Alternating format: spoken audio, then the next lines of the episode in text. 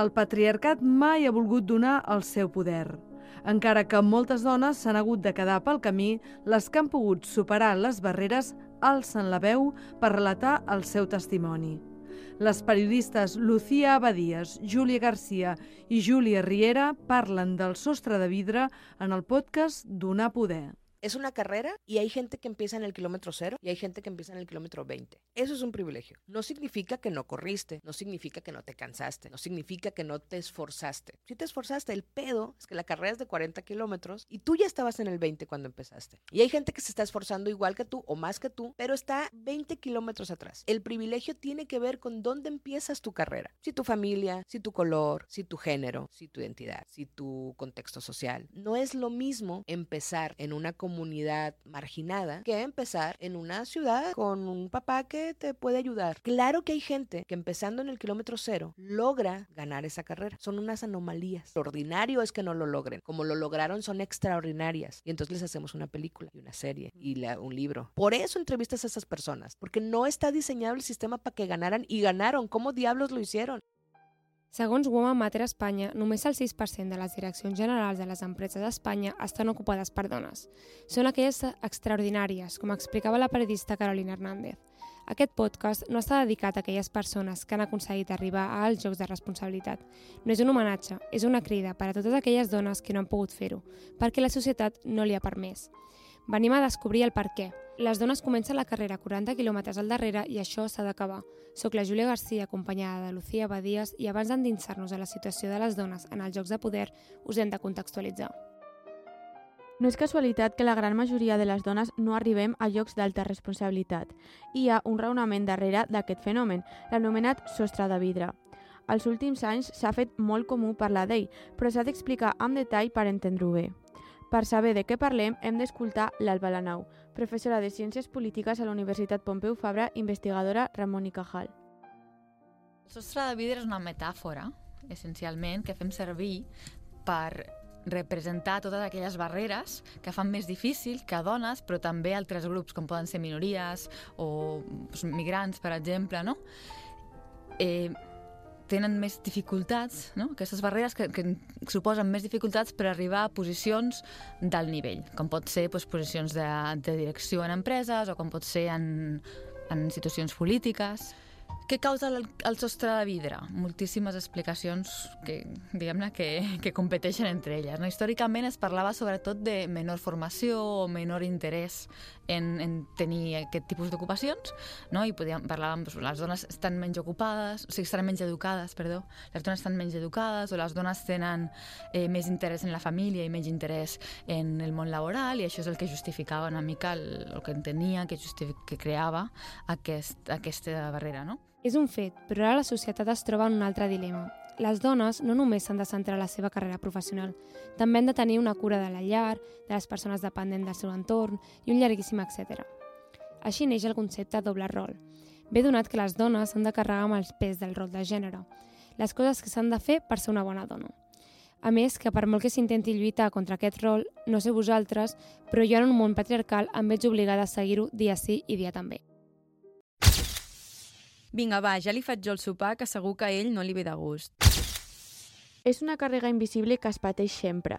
Aquest pensament d'haver de cuidar sempre a tothom, d'estar sempre alerta per tots. Convivim amb ell. I suma-li haver de lluitar contra el sostre de vidre i totes les barreres que trobem.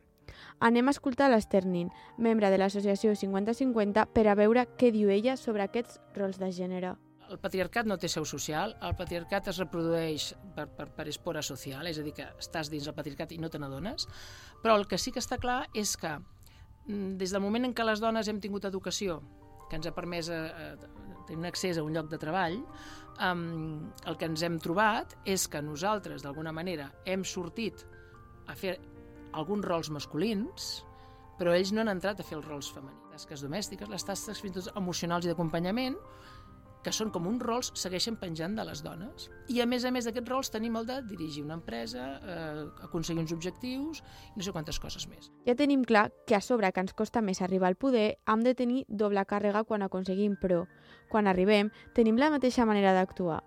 A nosaltres ens critica molt més. Només cal mirar les notícies. No només critiquen el discurs de les polítiques, també el vestit que porten o el pentinat. Molt curtet aquest vestit que portava. Com li agrada ensenyar cuixa. Tots els titulars són sobre el curt de la meva faldilla. Tan malament anava? I sembla com que ens hem d'adaptar una mica a aquest espai que històricament han estat d'homes.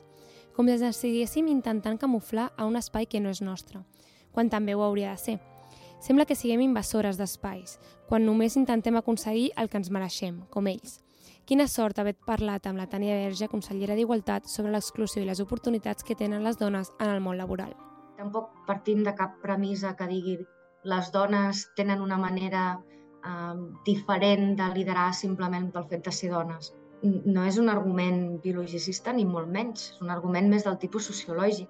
Si tu has estat exclosa de certs espais, no has tingut la possibilitat de fer aquestes, eh, aquestes xarxes, de generar aquest, d'acumular, diguéssim, aquest capital eh, social, forçosament les teves formes d'actuació seran diferents. No vens directament amb un pack tancats, per tant, tendiràs a diversificar molt més també eh, les teves aliances, la teva manera de, de treballar. El conflicte es pot solucionar, però sense un canvi social i cultural és impossible.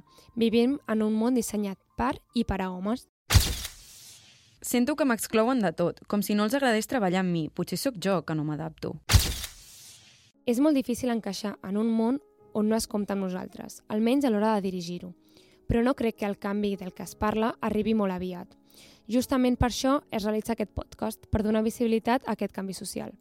L'Alba Lanau i l'Ester Nin expliquen aquest canvi social i com de poc a poc anirà. Jo crec que és important reconèixer que els processos socials són doncs, difícils de, de, de madurar i d'entendre, però que això no vol dir que no existeixin o que, sí, i que també reconèixer que a vegades tenim poques dades que permetin fer certes coses. No, per exemple, mesurar discriminació és extremadament difícil, però que no tinguem mecanismes tan clars no vol dir que no tinguem evidència de que això passa. No? L'home que està més malament, més malament, més malament, quan arriba a casa té algú a qui matxacar, que és la seva dona. Vale? Això ho deia la Flora Tristan, que era una, una feminista socialista, i deia les dones som el proletariat del proletariat.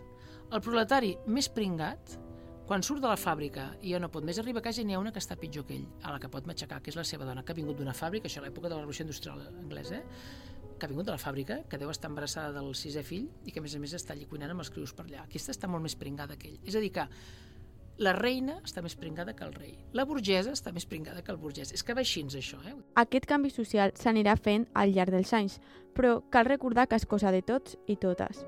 A més, el canvi ha de ser interseccional. Recordem que no hem vingut per fer una història de les dones que sí que han arribat a poder.